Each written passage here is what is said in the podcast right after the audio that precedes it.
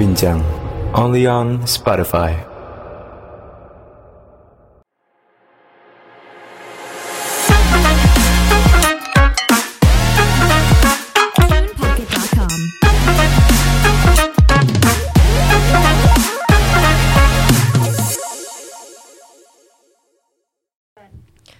Halo semuanya, kembali lagi di Kastra Dialog. Nah, Kastra Dialog kali ini ini akan spesial sekali karena apa? Karena kita nggak dari Kastrat BEM FBB UNER aja. Kita kedatangan tamu spesial yaitu dari BEM FH UNAIR. Nah, Tepuk tangan semuanya. Nah, tentunya tamu yang sangat spesial ya dari BEM FH UNER karena eh, seperti yang kita tahu kemarin BEM eh, dari FH UNER sendiri itu menjadi fakultas hukum nomor satu di Indonesia. Tepuk tangan dulu dong. Terima kasih Mas. Gila itu keren banget sih. Parah. Parah keren banget. Nah, eh, mungkin eh, mumpung kedatangan dari teman-teman Eva, tentunya kita nggak akan bahas dari sudut ekonominya aja. Nah, kira-kira apa nih yang akan kita bahas? Jadi, Iya. yang pasti topik kita ini akan dibahas dari dua sisi yang berbeda. Iya, dari betul banget. ekonomi maupun dari hukumnya. Betul. Nah, eh, topik kita kali ini adalah tentang pajak karbon. Nah, pajak, pajak karbon. karbon. Nah, eh, mungkin mau kasih tahu dulu nih, kira-kira eh, pajak karbon itu dari sudut latar belakang ekonomi itu apa? Gimana kira-kira pajak karbon? Eh, nah, kira-kira eh, begini ya, kita di ekonomi itu ada namanya istilah itu eksternalitas. Nah, eksternalitas itu eh, kita bisa lihat eh, dari teorinya beberapa ekonom eh, kalau menurut itu eksternalitas itu merupakan biaya yang harus ditanggung atau manfaat tidak langsung yang diberikan dari suatu pihak akibat aktivitas ekonomi. Nah, dari Rosen sendiri ini pernah menyatakan bahwa eksternalitas ini terjadi ketika suatu satu kesatuan mempengaruhi kesejahteraan kesatuan yang lain yang terjadi di luar mekanisme pasar. Nah, yang dari uh, Julius atau Jones dari tahun 1992 ini uh, beda lagi nih, menyatakan bahwa eksternalitas itu terjadi ketika utilitas seseorang uh, individu tidak tidak hanya bergantung pada barang dan jasa yang dikonsumsi oleh individu yang bersangkutan, akan tetapi juga dipengaruhi oleh aktivitas individu yang lain. Nah, uh, kalau kita bisa lihat uh, eksternali- eksternalitas dari tiga teori ekonomi ini uh, bisa kita simpulkan itu adalah suatu kegiatan ekonomi yang apa ya yang kita itu nggak ikut menjalani tapi ikut ber- ikut kena dampaknya Benar. nah jadi uh, ada dua ada eksternalitas negatif dan eksternalitas positif Nah, karbon sendiri itu masuk ke dalam eh, eksternalitas negatif, teman-teman. Karena apa? Seperti dengan adanya pabrik, seperti dengan adanya industri, maka lingkungan itu akan menjadi eh, penuh polusi, penuh limbah. Nah, maka eh, dari situlah eksternalitas negatif itu berasal gitu, teman-teman. Nah, ini jadi mungkin aku pengen kasih gambaran nih ya sedikit masalah eksternalitas ini. Nah, jadi kan tadi yang sama seperti Ken yang tadi bilang, misalnya ada pabrik atau ada perusahaan ketika dia itu memproduksi suatu barang, dia kan pasti akan meninggalkan jejak karbon tuh dari asapnya, dari mulai limbahnya ya, eh, yang dibuang di sungai atau mungkin polusi-polusinya. Nah, itu dia akan meninggalkan jejak karbon. Nah, dengan adanya pajak karbon ini kita itu seperti perusahaan itu disuruh membayar nih. Kamu tuh ya udah merusak lingkungan, tolong dong bayar atas perusakan lingkungan itu. Nah, kira-kira se- sederhana pajak karbon itu seperti itu gitu. Eh, ini juga relate nih eh, teman-teman dari eh, dulu-dulu juga ada nih. Ada ada namanya Arthur Pigo. Arthur Pigo itu ekonomi tahun 1920-an lah. Nah, eh, Arthur Vigo ini menemukan yang namanya itu pajak Pigovian. Nah, pajak Pigovian ini eh, seperti yang dijelaskan oleh Rosen merupakan suatu apa ya pungutan pajak atas setiap unit output dari sumber pencemar ke dalam jumlah yang sebanding dengan efek kerusakan marginal yang ditimbulkannya dengan membebankannya ke dalam output yang efisien gitu jadi eh, udah dari dulu nih ternyata dari Arthur Pigo yang eh, menerapkan pajak Pigovian ini udah ternyata udah apa ya udah aware gitu sama Iya. eh, dampak-dampak eksternalitas negatif. Nah, aku mau ngasih sedikit fakta nih. Di dunia sendiri ini eh, ternyata penyumbang karbon terbesar itu adalah Cina dengan sumbangsi rata-rata itu 28,21 persen total emisi dunia. Bayangin. 28,21 persen total emisi dunia itu dihasilkan oleh Cina. Jadi eh, hampir lah hampir 30 persen punya dunia. Sementara di Indonesia ya, kalau di Indonesia sendiri itu eh, tahun 2018 itu lumayan sangat buruk konsentrasi udaranya. Di mana pada wilayah Jakarta, ini Jakarta Selatan aja nih. Kita ngomongin Jakarta Selatan dulu coba. Eh, jadi konsentrasi rata-ratanya itu mencapai 42,2 mikrogram per meter kubik Hmm. gitu 42,2 mikrogram per meter kubik nah WHO sendiri itu menetapkan batas amannya itu cuma 10 mikrogram per meter kubik Indonesia PP nomor 41 tahun 1999 itu menetapkannya cuma 15 mi- mikrogram per meter kubik nah itu artinya apa artinya eh, di Jakarta sendiri itu udah melebihi batas maksimal yang udah ditetapkan WHO dan Indonesia sendiri kan eh, lumayan banyak gitu loh. Padahal itu konteksnya masih Jakarta Selatan aja ya. Jakarta itu Selatan. udah 42. Iya, 42. 42,2 mikrogram per meter kubik konsentrasi apa ya konsentrasi udaranya. Nah, dari i- dari dua contoh ini kita bisa lihat kalau kalau karbon ini dihasilkan oleh daerah-daerah yang banyak industrinya. Misalkan Cina dan Jakarta tadi kita tahu Cina sekarang eh, persaingan pasarnya sangat kuat gitu dengan Amerika, perang dagang dan lain-lain. Kita Jakarta juga kita tahu kalau eh, di Jakarta sendiri itu pusat ibu kota, pusat eh, industri, pemerintahan segalanya di sana. Jadi nggak heran kalau karbonnya tinggi, gitu. Jadi ada hubungannya industri dan karbon yang gede itu. Nah, mungkin nih aku sendiri nih, mungkin dari tadi kita udah ngomongin masalah pajak karbon tadi, mungkin kita tuh pengen bahas nih masalah sebenarnya akar permasalahan tuh apa sih gitu kan. Nah, sebetulnya kan pajak karbon ini kan didahului karena adanya global warming. Karena ya itu dulu nih ya masalah kenapa kita turunkan ada pajak karbon karena memang eh, sebetulnya kita ini sudah dilanda gitu ya dengan eh, global warming ini. Nah, jangan sampai nanti ya global warming ini setelah ada pandemi, global warming ini akan menjadi pandemi baru gitu kan. Ya kan?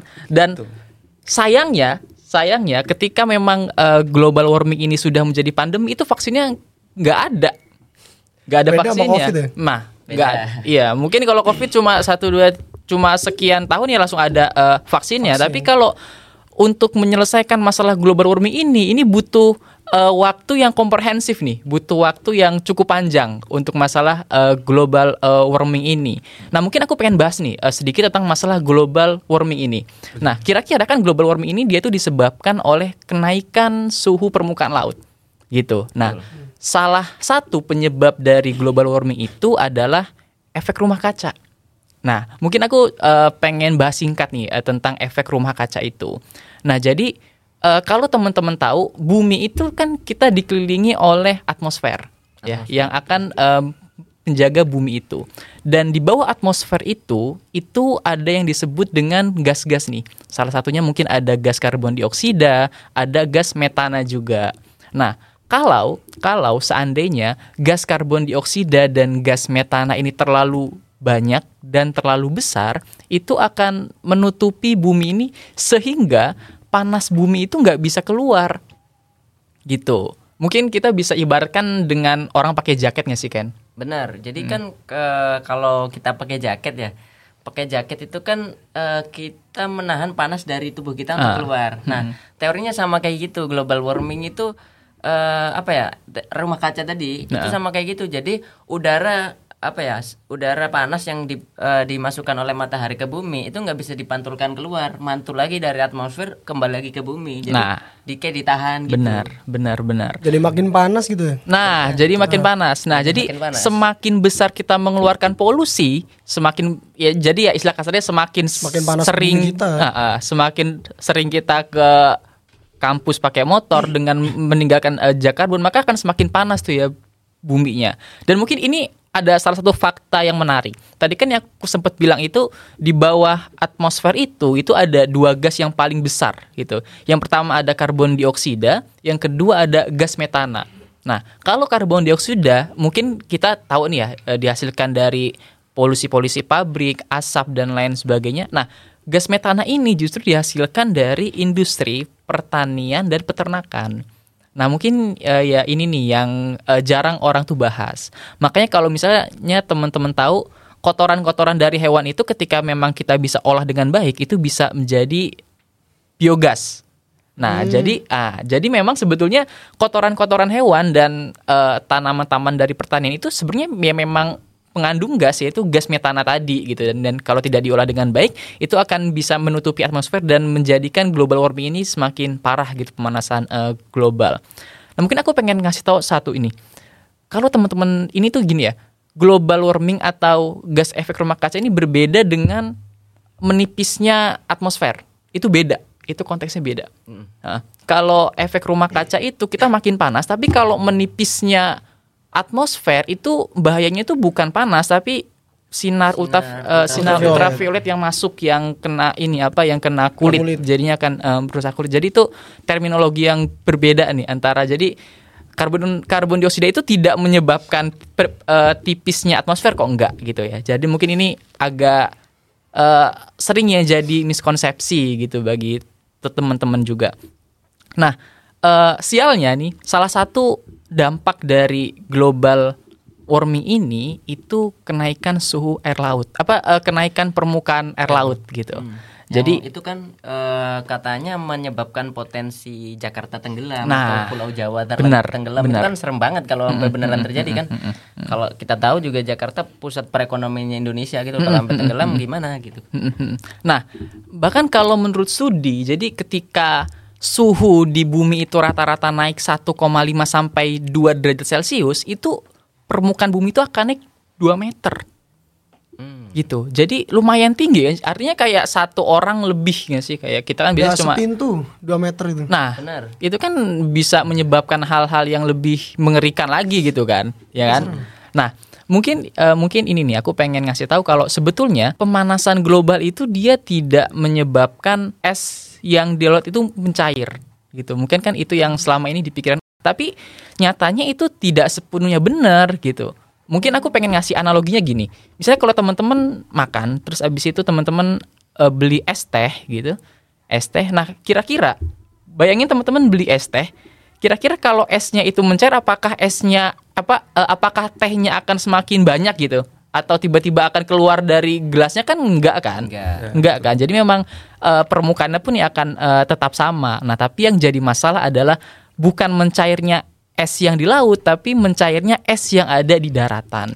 Contohnya yang ada di uh, yang ada di Iceland atau atau yang ada di Antartika. Jadi ketika uh, suhu itu naik, es yang di situ mencair dan akan turun ke lautan. Nah, itu yang akan hmm. menumbuhkan semakin tingginya gitu. Hmm. Lumayan itu ya, lumayan serem ya kalau hmm. sampai benar-benar naik, benar-benar tenggelam gitu kan ya. Ya semoga aja jangan sampai lah gitu yeah. Jakarta tenggelam uh. atau Pulau Jawa tenggelam serem juga kalau sampai tenggelam nah uh, oke okay, kita udah panjang lebar bahas dari sudut ekonomi nih udah ngalor ngidul ke sana kemari sampai ada es teh kan tadi. Iya betul sekali. Nah, oke okay, sekarang uh, kita mau bahas dari sudut hukumnya. Nah, nah betul. Gak afdol kalau teman-teman Eva gak ngasih pandangan latar belakang dari sudut hukumnya. Mau gak silakan teman-teman Eva okay. gimana nih dari sudut hukumnya? Oke, okay, tadi kan udah dijelasin juga dari sudut ekonomi terus sampai ke ST ada dapat insight analogi baru kalau emang es mencari itu bukan es yang di laut tapi itu yang cair, tapi yang, yang es yang di darat. Nah, Jadi kan serem juga ya kalau misal uh, permukaan laut itu naik sampai 2 meter, apalagi nanti sampai ke daratan Jakarta tenggelam. Oke, kalau ngomongin masalah carbon tax itu kita nggak jauh-jauh sama yang namanya Paris Agreement atau Perjanjian Paris. Nah, Perjanjian Paris sendiri ini dilaksanakan pada tanggal 12 Desember tahun 2015 dengan dihadiri sebanyak 195 negara.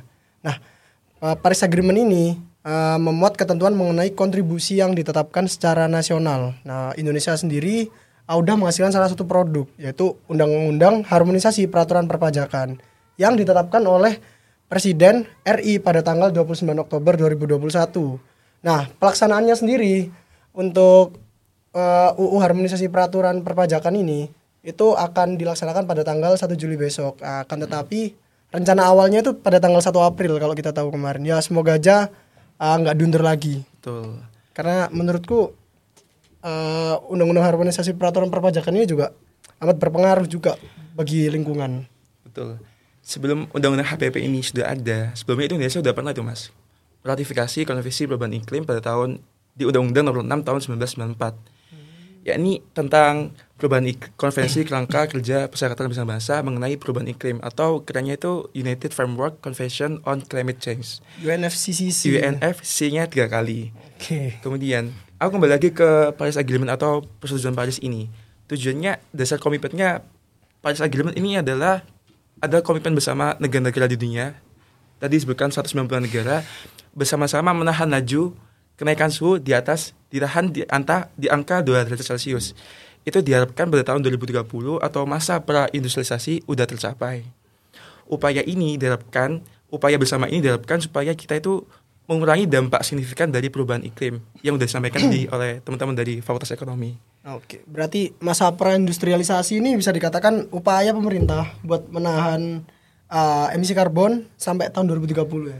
Oke, betul. Dalam rangka melakukan upaya pengendalian dan perlindungan dampak perubahan iklim, pemerintah Indonesia ini kan juga sebenarnya udah sadar kan, kita salah satu bagian dari masyarakat dunia juga. Uh, makanya mereka mau join kesannya ke Paris Agreement itu. Nah, uh, diperlukan juga sebenarnya suatu bentuk kerangka kerjasama internasional untuk mengatasi persoalan global, uh, terkhususnya di perubahan iklim. Hal ini selaras juga sama sila kedua Pancasila, yaitu kemanusiaan yang adil dan beradab.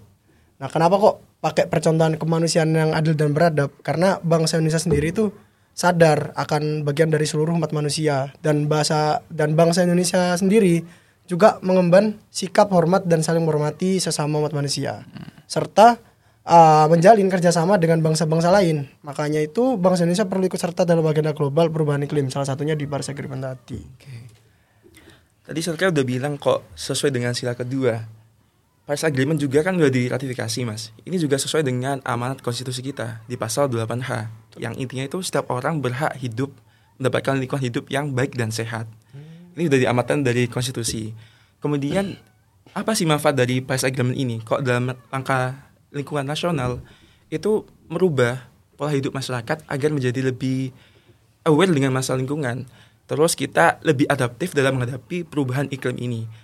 Akan tapi kok dalam rangka atau kancah internasional, Paris Agreement ini merupakan langkah global yang dapat meningkatkan efektivitas kita dalam menangani perubahan iklim yang akan kita hadapi ke depannya nanti.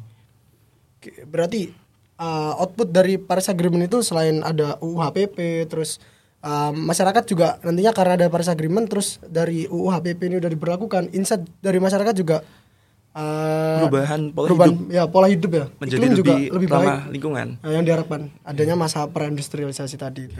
Nah mungkin tadi eh, ini eh, menarik banget nih ketika memang eh, teman-teman dari Fakultas Hukum dia tuh eh, membahas latar belakang dari pajak karbon ini ya kan. Ya. Berarti kan latar belakang itu kan diadakannya Paris, Paris Agreement, Agreement. tadi. Nah mungkin eh, salah satu ya mungkin aku pengen tarik lagi ke belakang mungkin. Mungkin salah satu latar belakang dari Paris Agreement juga ketika kita misalnya lihat nih lihat dari mungkin dari eh, data yang ada itu dari tahun 1990 itu sampai 2005 itu suhu rata-rata bumi itu dia sudah naik 0,15 sampai 0,3 derajat Celcius.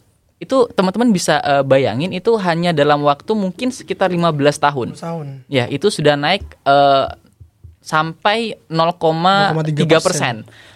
Eh, 0,3 derajat Celcius gitu. Nah, tapi kan ini yang harus kita ketahui bahwa itu di zaman yang memang industrialisasi ini belum terlalu masif gitu ya. Beda sama hari ini. Nah makanya ketika kita menghitung itu kita nggak bisa menghitung secara linear gitu. Maksudnya oke 15 tahun berarti naiknya 3,5 berarti 15 tahun lagi akan naik kan? Enggak kan tapi yang kita hitung tuh bukan linear bukan 1 2 3 4 tapi yang kita hitung itu 1 2 4 8 16 32 gitu. Jadi kita nggak bisa menghitung berarti per 15 tahun ini akan naik, Naik 0,3 enggak 0,3 enggak. ternyata enggak karena kan industrialisasinya itu semakin luas semakin masif polusinya pun juga semakin besar gitu kan. Nah makanya ini sebenarnya jadi urgensi kita bareng-bareng nih. Dan eh, tadi tahun eh, 12 Desember ya, Ya, 12 Desember 2015. 2015 itu disahkannya Paris eh, Paris Agreement. Dah ternyata setelah itu eh, pemerintah pun langsung mengeluarkan Undang-Undang Nomor 16 Tahun 2016 dan dan itu tuh eh, intinya itu meratifikasi dari perjanjian Paris Agreement itu gitu. Nah tadi mungkin Mas juga sempat bahas eh, tentang Indonesia itu salah satu anggota dari UNFCCC. UNFCCC. Jadi C-nya tiga kali itu. Jadi maruk banget C-nya. nah itu sebenarnya eh, dari mulai in- Indonesia itu me- menandatangani Paris Agreement, nah, terus juga menjadi anggota UNFCCC itu, Indonesia itu berkomitmen untuk menurunkan emisi 29% di tahun 2030. Jadi ya aku eh, berharap komitmen ini memang bisa di eh, memang bisa dieksekusi oleh eh, oleh pemerintah dan mungkin salah satunya dengan pajak karbon ini. Ya sih, aku setuju kalau pajak karbon itu emang berpengaruh banget nantinya sampai tahun 2030. Karena kalau mau ngambil contoh dari yang tahun 1990 sampai tahun 2005, panasnya aja udah naik 0,3 persen. Sekarang nggak tahu kan? 3 derajat ya. Iya, iya 0,3 derajat Celcius. Nah, sekarang aja digambarin di Surabaya udah sepanas ini kan. Di siang hari ini, wah gila panasnya. Tadi berangkat dari rumah ke sini udah mulai gila gitu. Kalau kalau nggak segera diatasi, ya gimana? Contohnya aja di Surabaya udah kayak gini. Ya, tapi ini menguntungkan tukang es teh tapi. Iya, Nah, ya itu bener. Kalau aku lihat juga nih dari sudut pandangku tentang apa ya? Tentang kemanusiaan yang adil dan beradab tadi kan sempat di-mention. Ini juga ada hubungannya sama eksternalitas karena pabrik ini kan eh, dapat keuntungan ekonomi yang gede kan untuk dirinya sendiri, tapi masyarakat umum mendapatkan kerugian berupa polusi dan lain-lain gitu loh. Eh, dan WHO juga sempat sempat ngingetin kalau eh, angka harapan hidup juga akan turun gitu loh seiring dengan eh, Tingginya polusi, yang polusi. meningkat gitu. Jadi harus balance ya, Mas. Kalau ekonomi itu menunjang, kesehatan juga harus balance. Mm-mm, dah. Kalau kalau apa ya, nggak akan terlepas gitu loh ekonomi Iya. sama hukum. Kita bisa eh, lihat dari sudut pandang ekonomi, tapi eh, peraturan yang kan bersifat memaksa ya kalau nggak salah peraturan ya. Ya. Kalau nggak ada peraturan yang benar-benar itu nggak akan terlaksana gitu. Jadi hukum nggak akan lepas gitu loh dari Bener banget perannya. itu. Nah, jadi sebenarnya untuk mencegah eksternalitas ini itu bukan hanya dibahas dari segi ekonomi karena eksternalitas ini itu tugas juga dari eh, dari eh, pemerintah dan bagiku ya salah satu tugas pemerintah itu ad- adalah membuat eh, regulasi tuh, membuat konstitusi itu. Nah, itu mungkin bisa dari eh, ranah hukum. Jadi ya menurutku se- eh, sebetulnya kita ini ilmu yang saling bergandengan antara satu Bergandengan. antara satu Antara ekonomi sama lain. hukum. Betul sekali. Betul, betul. Nah, kalau eh, boleh kita tarik lagi nih ke belakang ke Paris Agreement lagi nih. Eh, gimana sih eh, kira-kira dari teman-teman hukum tahu nggak kira-kira eh, penerapan di berbagai negara itu gimana gitu? Terus eh, di Indonesianya juga gimana? Setelah adanya Paris Agreement negara-negara yang 195 negara itu ngapain sih gitu? Gimana kira-kira ada nggak? Gambaran setelah Paris Agreement kan. Sekarang ini sekitar udah ada sekitar 25 negara yang udah nerapin carbon tax, Mas. Yang udah kita ambil contoh yang sudah menerapkan lebih lama. Contohnya ada di Finlandia sejak tahun 1990, kemudian Swedia, Norwegia sejak 1991.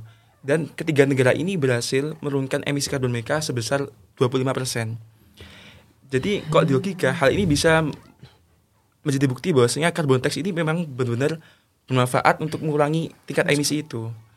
Kemudian kok negara tetangga kita itu Cina itu sejak 2017, Singapura sejak 2019 dan Indonesia baru ditargetkan itu 2022. 2022. Menarik juga ya dari atau tadi Finlandia ya. Finlandia. 1990. 1990. Nah, ternyata ada negara yang udah aware dari dulu gitu kan ya. Udah sadar. Padahal Udah sadar. kalau ditarik Finlandia terus Swedia, Norwegia itu juga bukan negara penghasil emisi Ah. karbon tinggi ya sekarang Ah, ya. benar-benar bukan industri. Industri. Iya, ah. bukan negara industri yang Nggak kayak Amerika, Cina. Ya, gitu. 30 dan mungkin tahun. iya dan mungkin ya ini juga jadi bahasan yang menarik ya di eh, ketika di ya di sisi lain ada negara yang dia itu sebetulnya bukan penghasil emisi karbon tapi dia tuh bertanggung jawab ya apa ya dia tuh Aware. merasa bertanggung jawab untuk menghijaukan bumi kembali gitu. Nah makanya mungkin ya sudah lama tadi ya udah hampir berpuluh-puluh tahun. Tapi di sisi lain mungkin salah satunya kita juga gitu ya. Salah sa- salah satunya kita memang memproduksi emisi karbon yang sangat besar. Tapi kok kita tuh tidak aware untuk baru sadar menghijaukan sekarang bumi. gitu Iya gitu. Ya makanya kan eh, dari adanya Paris Agreement sampai sekarang ada UHPP juga itu kan salah satu contoh kalau Indonesia itu udah mulai aware. Ya mungkin agak agak telat tapi ya mending telat ketimbang nggak sama sekali Ya. gitu. setuju, setuju. Nah, eh, juga eh, dalam penerapan-penerapan hukum seperti ini kan nggak mungkin segampang itu gitu loh. Pasti ada Iya. harus dikaji terlebih dahulu dampak-dampaknya bagaimana. Mungkin memang negara-negara yang belum menerapkan itu eh, masih dalam proses pengkajian dan lain-lainnya mungkin ya. Iya sih, balik lagi ya ke carbon tax. Eh, di sini tuh kalau carbon tax kan biasanya kan menggunakan eh, kurang lebih nih nantinya akan menggunakan seperti pajak-pajak biasanya bisa atau mungkin bisa menggunakan produk-produk baru ya dalam penarikan pajaknya. Nah, harapan lain untuk penerapan karbon di Indonesia tidak mengurangi daya saing sejumlah barang atau produk. Nah kan biasanya kalau pajak naik, beras ikut naik, bensin naik, apa pun naik naik gitu ya. Nah, itu kan susahnya kayak kita sebagai anak kuliah, anak-anak kos ini kalau semua serba naik, aduh, duit juga pas-pasan ya Mas ya. Nah itu, Kasihan anak kos. Heeh, makanya. Oke. Nah di sisi lain, implementasi pajak karbon di Indonesia itu diharapkan dilakukan dengan uh, smooth bahasanya oleh dari pemangku kepentingan, terus dari semua sektor pelaku usaha dan dari masyarakat-masyarakat itu tidak terjadinya egosentris atau semua itu saling sinambung dan saling bahu membahu lah bahasa untuk mendukung adanya carbon tax ini karena kan ya kalau tidak di apa carbon tax ini merupakan salah satu usaha dari pemerintah buat menurunkan emisi karbon tentunya. Jadi supaya adanya win-win solution mas. Jadi antara pihak pemerintah, pelaku industri sama masyarakat itu sama-sama diuntungkan. Tidak ada yang merasa dirugikan dari carbon tax ini. Ya semoga aja sih eh, itu ya pemerintah dan pihak yang berwajib, pihak yang berwenang lah mengatasi masalah ini itu dapat eh, apa ya memberikan kebijakan yang adil untuk pengusaha, eh, adil eh, untuk lingkungan juga, adil untuk masyarakat, umum gitu. Jadi dampaknya itu enggak dampak domino yang mempengaruhi semuanya gitu langsung kan eh, agak susah ya. Hmm, betul betul. Nah, eh, aku mau nanya nih kira-kira ke teman hukum nih. Kira-kira eh, formula yuridis penerapan carbon tax itu ada nggak sih? Apa sih kira-kira formula yuridisnya gitu? Oke, kalau ngomongin formula yuridis kan berarti kan formula dari undang-undang sendiri sih ya. Oke, landasan hukum penerapan pajak karbon ini sendiri udah ada di Undang-Undang Nomor 7 Tahun 2021 tentang harmonisasi peraturan perpajakan atau UHPP. Nah, itu tepatnya di pasal 13. Dalam UU tersebut disebutkan bahwa pajak karbon dikenakan atas emisi karbon yang memberikan dampak negatif bagi lingkungan. Nah, aturan lebih lanjutnya terkait pelaksanaan pajak karbon ini udah diatur di Perpres nomor 98 tahun 2021. Nah, penerapan pajak karbon ini sejalan dengan salah satu prinsip dalam hukum lingkungan yaitu polluter pay principle. Itu itu bahasanya agak sulit ya, polluter pay principle. Nah, itu di mana prinsip ini mereka yang mengotori lingkungan, mereka yang harus membayar. Oke, sama kayak eksternalitas tadi berarti. Iya. Iya, ya makanya ekonomi sama hukum sebenarnya sinambung. Iya, benar. Check and balance kita ini. Pollute pay principle. Tahu nggak kan? Polute, Polluter. Polluter. Polluter. Principle. Polluter pay principle. Yang apa? Yang mengotori wajib membayar. Yang kan? mengotori wajib membayar. Nah, ini ada yang menarik juga nih, Mas. Dari segi ekonomi pernah dengar carbon trade nggak? Oh, iya, perdagangan karbon ya. Iya, perdagangan karbon. Nah, ini juga ada yang menarik lagi. Di negara Norwegia ini udah bersedia memberikan skema pembiayaan kalau negara yang berhasil menurunkan emisi uh, Gas rumah kacanya. gas, uh, gas rumah kacanya. Jadi kalau kita berhasil menurunkan uh, emisi karbon, kita juga dapat pendanaan dari negara Norwegia. Udah untung dari pajak karbon dapat pendanaan lagi. Jadi ya menurutku kenapa enggak gitu loh kalau dari tiga sektor tadi itu saling mendukung. Kita udah dapat insight baru Dari ya, fakultas hukum ini banyak banget. dari hukum polluter pay principle yang ternyata tadi apa ya tadi ada kesinambungan Iya, gitu kan kayaknya sama setali eh, setali dua uang sama eksternalitas tadi. gitu. Iya. Eh, udah dapat insight baru dari teman-teman hukum. Ki, eh, ketika kan kita sempat bahas tentang eh, mungkin aja pemerintah itu masih mengkaji, mengkaji. Nah, Hmm, kita coba lihat nih dari dampak ekonominya dulu. Nah, Dampak ekonominya dulu. Kita mulai dari ekonomi mikronya dulu Eh, tentang eh, perusahaan-perusahaan yang mungkin akan terkena dampaknya. Dampak mikronya kalau dalam ekonomi pajak karbon ini akan masuk ke dalam cost, akan masuk ke dalam biaya produksi dari suatu perusahaan gitu.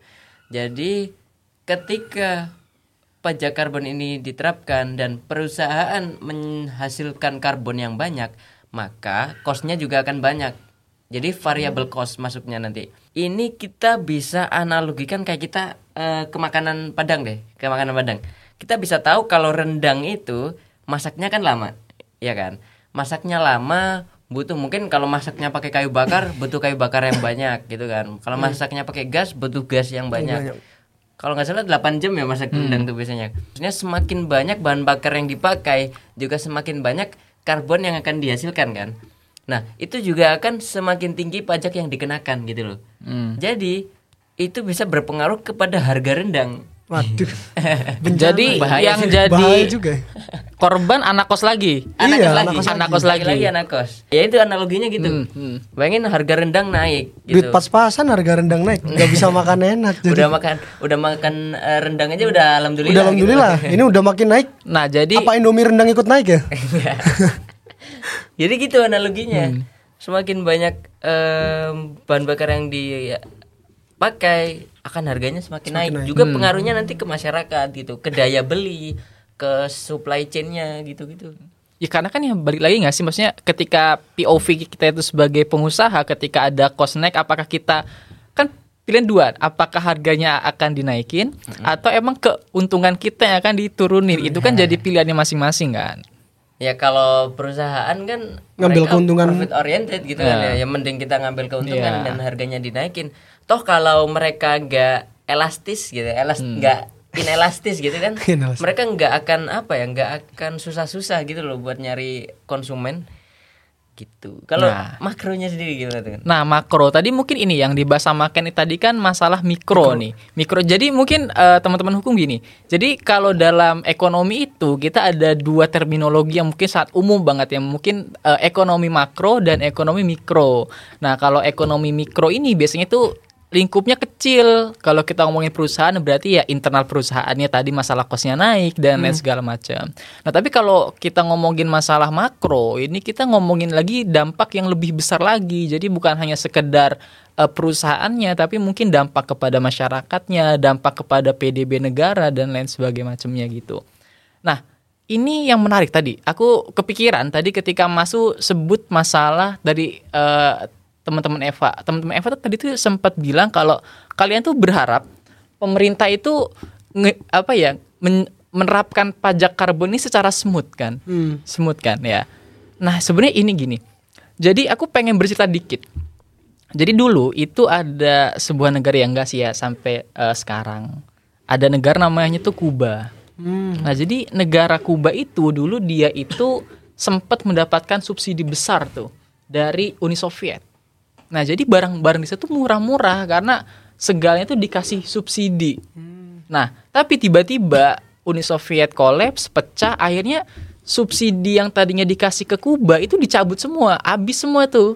Nah, akhirnya perusahaan tuh terkena shock ter- eh, terkena shock tuh, rame shock akhirnya. Nah, eh mungkin yang aku tangkep, jadi pemerintah itu nggak bisa dia tuh langsung tapi pajak karbon langsung bek besar gitu, yang nggak eh, yang nggak bisa. Makanya di undang-undang HPP itu pajak karbon kita itu sebenarnya kecil banget, cuma 30 rupiah rupiah. per kilogram loh. Artinya itu hanya 30 ribu per metrik ton, ya kan? Iya. Kalau 30 rupiah per kilogram artinya cuma 30 ribu per ton gitu. Nah, padahal padahal Swedia itu dia sudah menetapkan pajak karbon itu 137 dolar. Sedangkan kita baru 2 dolar. ya kan? Jadi kita tuh sangat apa ya? Sangat rendah banget gitu. Padahal malahan di Singapura itu dia itu pajak karbon itu sudah 5 dolar per ton tuh. 5 dolar per ton dan itu cuma sampai 2023. Nanti 2024 itu akan dinaikkan jadi 25 dolar per ton. Sedangkan kita masih 2 Betul. Dua dolar. ya ya 2 dolar tadi. Nah, padahal ini menurut eh, riset gitu ya dari Commission on Carbon Pricing sebetulnya untuk membayar harga eksternalitas itu itu membutuhkan biaya 100 dolar per ton gitu. Jadi yang negara-negara yang di atas 100 dolar itu baru dikit salah satunya Swedia. Nah, sedangkan Indonesia itu masih sangat rendah banget gitu, cuma 2 dolar per ton. Nah, mungkin yang aku tangkep nih, yang aku tangkep ya mungkin ini salah satu upaya pemerintah untuk supaya smooth nih, supaya eh, perusahaan itu nggak terkena shock. Nah, takutnya kalau misalnya perusahaan itu terkena shock dan dampaknya tadi kepada em, masyarakat tiba-tiba daya masyarakat tuh naik harga naik nah takutnya kan akan terjadi inflasi yang kita sebut. Gitu. Itu kalau untuk makronya ya. Gitu. Bisa terjadi inflasi. Kalau kaget itu kan iya tiba-tiba harga-harga pada naik ya Mas. ya, Kalau dan- pajak itu naik, perusahaan katakan Kosnya naik. iya. Eh, dampaknya akan Dampaknya sangat ke, luas ke masyarakat juga. ya. masyarakat ke kita kita juga gitu susah juga nanti nah eh, oke kita udah eh, bahas dari sisi ekonomi latar belakangnya gimana. Dari sisi hukum ada eh, Paris Agreement ada formula yuridis ada polluter pay principle. Dan kok kamu masih inget aja sih? Aku aja lupa sangat loh. terngiang-ngiang dari kepala soalnya da- anak ekonomi tuh kalau dengar istilah hukum tuh iya keren kayak keren, keren banget gitu ya bahasa Iya. Bahasanya keren dan apa ya langsung nancep di kepala dari ekonomi bahas makro bahas, mikro. nah nggak afdol kalau kita nih sebagai mahasiswa nggak ngasih rekomendasi kebijakan ke pemerintah. kalau eh, mungkin apa sih kira-kira rekomendasi yang kita bisa berikan gitu sebagai mahasiswa sebagai bentuk kepedulian kita gitu? Kalau ini pandanganku ya. Nah, sebenarnya kalau dari kita sendiri kan oke nih dengan pajak karbon ini. Ya, tadi kan ya dampaknya supaya kita bisa mengurangi global uh, warming ini gitu ya untuk menghijaukan bumi kembali. Nah, sebenarnya harapan sederhana tuh gini. Ketika pajak karbon ini memang di ter- uh, memang di oke nih kita terapin pajak karbon ini. Kalau bisa hasil dana dari pajak karbon ini memang dialihkan untuk uh, industri-industri yang ramah lingkungan. Kita bisa investasi tuh dana dari pajak karbon itu uangnya untuk investasi-investasi ke hal-hal yang memang ramah lingkungan itu. Jadi tidak disamakan tuh ya sama pajak-pajak yang lainnya yang memang untuk misalnya ya untuk bangun rumah sakit, untuk bangun Bangun jalan. jalan, toh. iya, eh, jadi memang eh, uang-uang ini memang kita kasih untuk investasi-investasi itu. Dan mungkin ya, dan mungkin bisa bisa juga ketika eh, uang hasil dari pajak karbon ini itu kita pakai untuk subsidi ini subsidi angkot, subsidi busway. Jadi Busway untuk bisa. subsidi transportasi umum. Karena kan gini, ketika masyarakat itu harganya naik, nah kita harus nurunin nih kos masyarakat di eh, di akomodasi gitu di transportasi gitu. Jadi masyarakat kalau bisa sih nggak akan terkena shock itu karena di sisi lain mungkin harganya naik tapi di sisi lain pemerintah tuh memberikan subsidi untuk eh, transportasi transportasi umum supaya masyarakat itu bisa beralih gitu sih. Oke Keren juga ya. Apa mungkin harapan-harapan dari teman-teman FEB ini. Dari- mungkin bisa mikir kalau lagi naik yang kos buat subsidi masyarakat-masyarakat bisa diturunin. Ya mungkin ini ah, nanti kalau pemerintah mungkin berkenan ya lihat podcast kita mungkin podcast yang ntar viral. Ini kalau dari anak hukum tadi eh, kita sendiri sih aku ada kepikirannya buat bentuk suatu badan ya. Hmm. Badan itu yang buat mengawasin terkait pajak karbon ini nantinya. Jadi outputnya nanti larinya ke mana, terus biar nggak melulu ke pembangunan. Nah kalau ke pembangunan-pembangunan mulu kan masa Sama aja. bangun jalan tol, jalan-jalan. Ini kan seharusnya udah ada dari pajak kita yang lain-lain kan. Nah mungkin bisa bentuk suatu badan yang buat eh, jadi wadah buat ngawasin pajak dari pajak karbon tersebut ini biar nggak jalannya larinya ke yang itu itu aja. Jadi dananya fokus untuk mengatasi perubahan iklim. Heeh, fokus benar. untuk lingkungan kita. Siap. Dan eh, ini sih mungkin buat energi-energi terbarukan juga kan eh, juga butuh. Mungkin dari pajak karbon ini bisa bantu itu tadi sih mungkin. Hmm. Ya semoga aja eh, suara kita di siang hari ini bisa didengar sama pemerintah-pemerintah. Halo pemerintah. Dan sekali lagi perlunya kolaborasi ekonomi dan hukum. Kalau ekonomi bikin konsep aja, bikin rencana aja. Kalau nggak disahkan secara hukum, nggak dilegalkan secara hukum kan ya sama aja nggak bisa terlaksana gitu kan nantinya. Gitu sih. Nah eh, kesimpulannya gimana? Kesimpulannya, karena ya karena gini, kita tuh nggak bisa ngomongin masalah pajak karbonnya tok. Tapi kita yang harus ngomongin itu yang ranah besarnya itu global warming tadi. Nah, pajak karbon itu cuma menjadi salah satu instrumen untuk mengurangi global warming itu. Tapi kan masalah kita utama itu adalah global, Global warming warming. itu.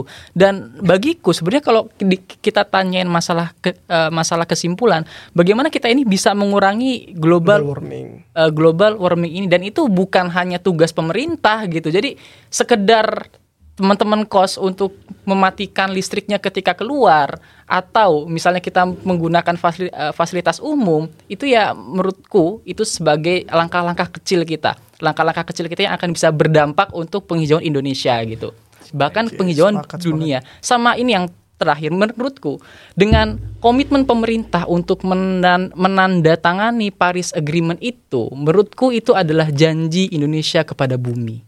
Bukan nambahin sih mungkin pesan aja ya itu tadi buat buat teman-teman juga eh sekiranya dikurang-kurangin lah untuk penggunaan apa ya, pembuang emisi karbon yang enggak enggak mungkin contohnya dari AC kan juga bisa nih Hmm. Nah, untuk penggunaan AC mulai dari hal-hal kecil kayak gitu mungkin mulai ditingkatkan untuk kepedulian terhadap lingkungan. Karena juga 30 tahun ke depan, 40 tahun ke depan itu juga masa-masanya kita.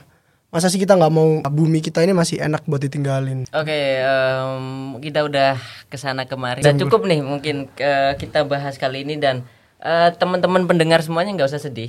Teman-teman Eva, eh, terima kasih banyak. FEB sudah mau dipin apa ya, diundang ke fasilitasnya yang sangat eh, me- mewah ini ya. Kalau dia dari fasilitasnya itu nggak aneh kalau dinobatkan sebagai fakultas hukum terbaik di Indonesia Keren. sih. Sekali lagi tepuk tangan. Makasih, makasih. Iya. Oke, eh, terima kasih yang udah mau dengerin eh, podcast kita kali ini dan eh, jangan lupa pantengin terus Spotify-nya BEM FH Uner, jangan lupa pantengin terus eh, Spotify BEM FEB Uner di BEM Bincang. Eh, kita akan ketemu lagi di episode sel- episode episode selanjutnya dari teman-teman Eva, episode episode selanjutnya dari teman-teman FEB. Eh, kami dari FEB mau ngucapin terima kasih banyak. Eh, ya, mungkin sampai jumpa lagi.